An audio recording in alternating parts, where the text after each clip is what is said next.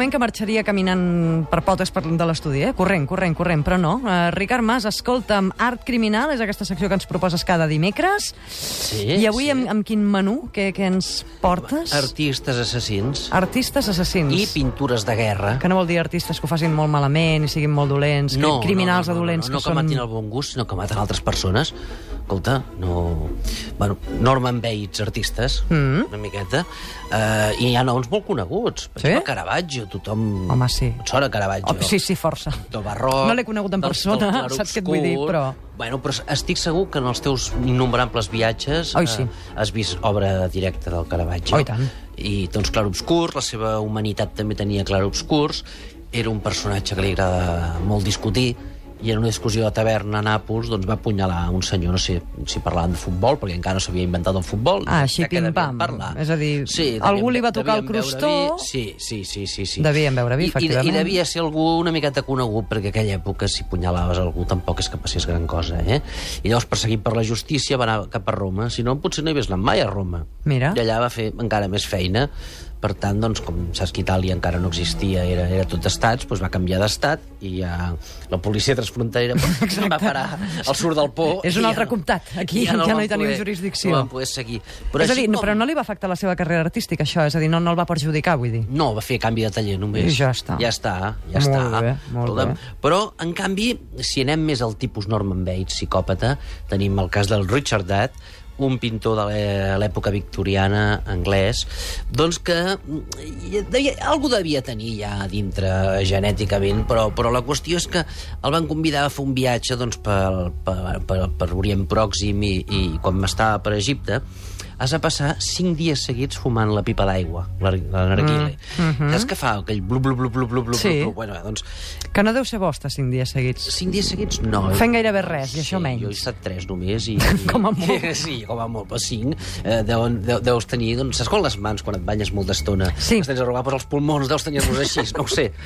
I, I la qüestió és que el senyor aquest va, es va pensar que les bombolles tenien un missatge d'Osiris i va... No, aquest home real- definitivament no estava bé d'entrada, No, eh? em sembla que no. No. El va desxifrar i es veu que, que Osiris li diu que el, el seu pare és la divinitat, divinitat rival, Set, i que l'ha de matar. Bueno, total, se'l van endur d'Egipte És a dir, espera't un moment, aquest home, veient bombolles, No, escoltant bombolles. escoltant bombolles, és igual... Blu, blu, no, perquè les Va desxifrava. tenir la revelació exacta, que el seu propi pare Sí. era el... Era el- l'encarnació d'un déu enemic del déu Osiris. Clàssic, sí, és una sí, cosa no, molt clàssica. senzillot, senzillot, sí, sí, sí. sí. Com, com a pan tomàquet. Així que Llavors, doncs, diuen que, clar, comença a, a, a tenir visions i a parlar i, i l'envien a Anglaterra, diuen que li ha donat una insolació que ja recuperarà, però no es recupera, no. I fins i tot, fins i tot el metge eh, li diu al seu pare, escolti, aquest noi l'hem de tancar. Millor que el tanquem perquè és perillós, no, no d'allò. I el pare diu, què dius, home, és el meu nen, ja, ja, ja el cuidaré jo. A més es deia Richard Dat, Dat, de cognom, té, té conya, eh, la pare, cosa? Sí, sí, sí, sí. I, doncs, bueno, un dia que se'n va baixar a Londres, allò, a fer les compres, no? com aquí vas a, vas a la boqueria, i va comprar un destral, un ganivet amb un foll de 20 centímetres, una navalla a afaitar ben afilada, i mm, en un, anant a donar un vol pel camp amb el seu pare, doncs no sé com ho devia amagar, perquè, escolta, jo, jo surto a donar un passeig amb tu i porto una destral, un ganivet una fulla de 20 centímetres... Home, si és hivern i portes un abric molt gran, Pues ara no ho sé. encara tindries Ara- alguna possibilitat d'amagar-ho. No sé. La qüestió és que va treure el, el destral, li va tallar el cap al pare, li va, eh, li va, li va, el va obrir un canal amb el ganivet i no sé què més va fer amb la navalla, però, però ho va fer servir tot.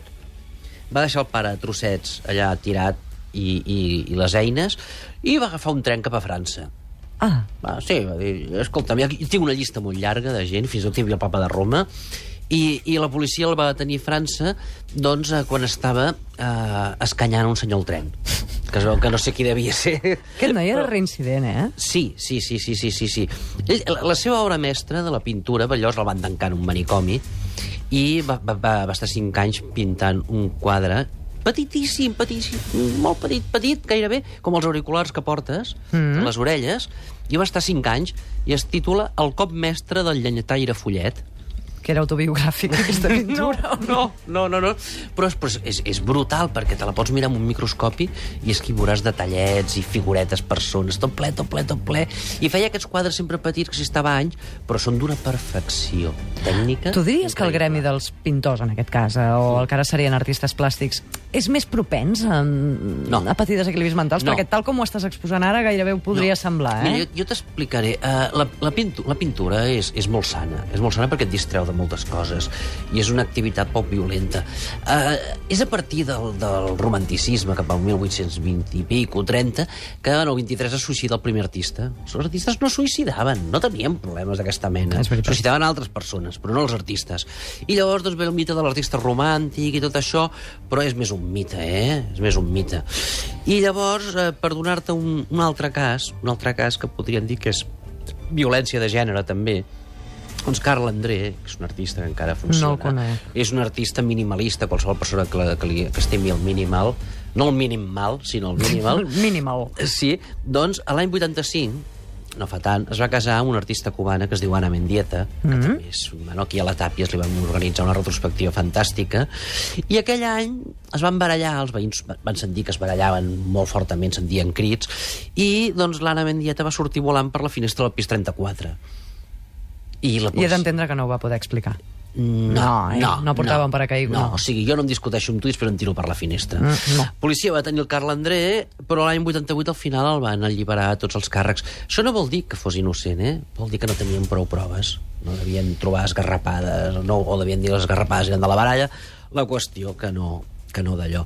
Però, eh, bueno, aquests són tres casos que t'he posat en tres períodes, barroc, època victoriana i no fa gaire. És a dir, d'èpoques molt diferents. Molt diferents per veure doncs, que els artistes, igual que els altres oficis, doncs, doncs eh, els llenyataires, doncs, maten.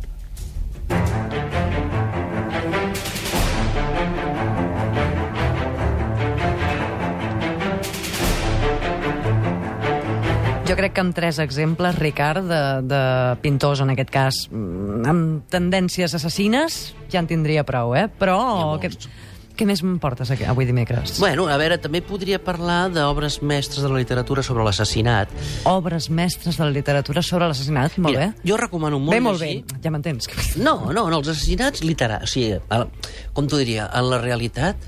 Ai, no sé com explicar-t'ho. Supera la ficció. La senyora Agatha Christie, que Sí. s'imaginava uns grans assassinats, era una iaia encantadora, no? I, i, I jo, si ara hagués d'escriure mai una novel·la, que no m'he triat mai en la ficció, la faria sobre un assassinat, perquè desperta molt la imaginació. Però, en canvi, no el faria mai, perquè, perquè no sé... És no veritat, sé ens fascina, eh? Mira, de fet, demà ens plantejarem aquí al programa per què els dolents ens fascinen tant. Bueno, el JR... eh, Per exemple, per dir alguna cosa. Hi ha un llibre que jo recomano a tothom, de veritat, no és gaire llarg, bueno, dos llibres. És fantàstic, és el Thomas de Quincy, de l'assassinat com una de les belles arts. Un llibre Aquest és el títol del llibre? Sí, Carai. del 1827, però és que el Thomas de Quincy escrivia com els àngels, Déu meu. I eh, parla doncs, d'un club de- de- d'amigots de, de, de l'estètica a Londres del moment, doncs que comenten, com, com el que comenta un partit de futbol o comenta la visita a una exposició, comenten els últims crims que hi ha hagut al, al barri, no? I, i, els, i, i lloen pues, la, la, les qualitats estètiques d'una sessió de l'altra. Diuen, no, aquest era un barroer, en canvi aquest, fantàstic, no? Quina força que té, quin, quina energia, quina ironia, o el que vulguis. Comentaven, doncs, això, com si fos un partit de futbol o... I a més és real, és real. És, és un llibre fantàstic perquè pots fer un paral·lelisme i dir que, en el fons, els, el, aquest club que es reuneix és com la crítica d'art, no? i l'assassí és el pintor. I, I pots fer molts paral·lelismes. És un moment que canvia la, la, la visió de l'espectador respecte al món i les arts. I un llibre ja molt, molt, molt més proper d'un valencià exiliat a Mèxic, eh, deliciós, el Max Aup, no sé si has llegit res d'ell. No, no tinc el gust. Que té molts registres, però quan té el registre humorístic és brutal, que es diu Crímenes ejemplares, de l'any 57, Amb el títol ja promet, eh, també. Sí. I és un, és un llibre de microrelats. Microrelats. Són minicontes tan curts com un, que no és el títol, eh? és el relat ja. És La maté porque era de Vinaroz. Au, va. Sí. I aquesta és la història. Així comença i acaba... No té no, títol, ja està. no? No, no, no. eh, El relat és aquest. Ah, Te'n puc fer un de Ostres, més. però espera un moment, això és més curt que, que aquell conte d'en Monterroso que, que passa per ser el conte més curt de la història, de Cuando despertó el dinosaurio todavía estava allí. Sí. Aquest és el conte. Doncs és més llarg que aquest. No ho sé. La maté de porque era de síl·labes. Sí, sí, sí, sí, sí. Aquest, va, te'n llegiré un una miqueta més llarg, Va, però sí. tampoc pensis que t'avorriràs, eh? Diu, estábamos al borde de la acera, esperando el paso. Los automóviles se seguían a toda marcha, el uno tras del otro, pegados por sus luces. No tuve más que empujar un poquito. Llevábamos 12 años de casados. No valía nada. Sembla increïble. Molts homes, molts homes eh, eh, pensarien... Aquest és un llibre que es pot trobar encara a les llibreries? Sí, no, no és molt No fàcil, però es troba. descatalogat es ni res, no? Es, tro es, es troba, i fins i tot si busques una miqueta pel Google és possible que algú l'hagi posat doncs, eh, per descarregar gratis. És un llibre deliciós.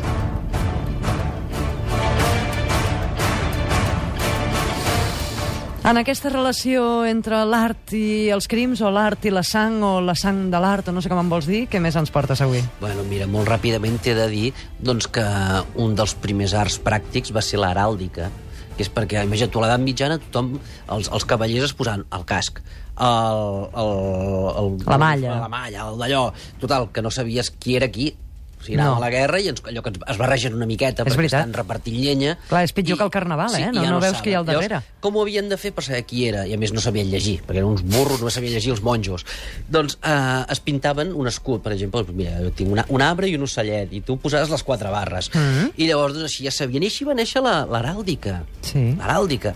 I, per exemple, doncs, eh, això, els senyors, perquè tu mm, eh, pensa que fins al segle... Doncs, eh, això és el segle XII que neix l'heràldica, fins al segle XVIII no neixen els uniformes.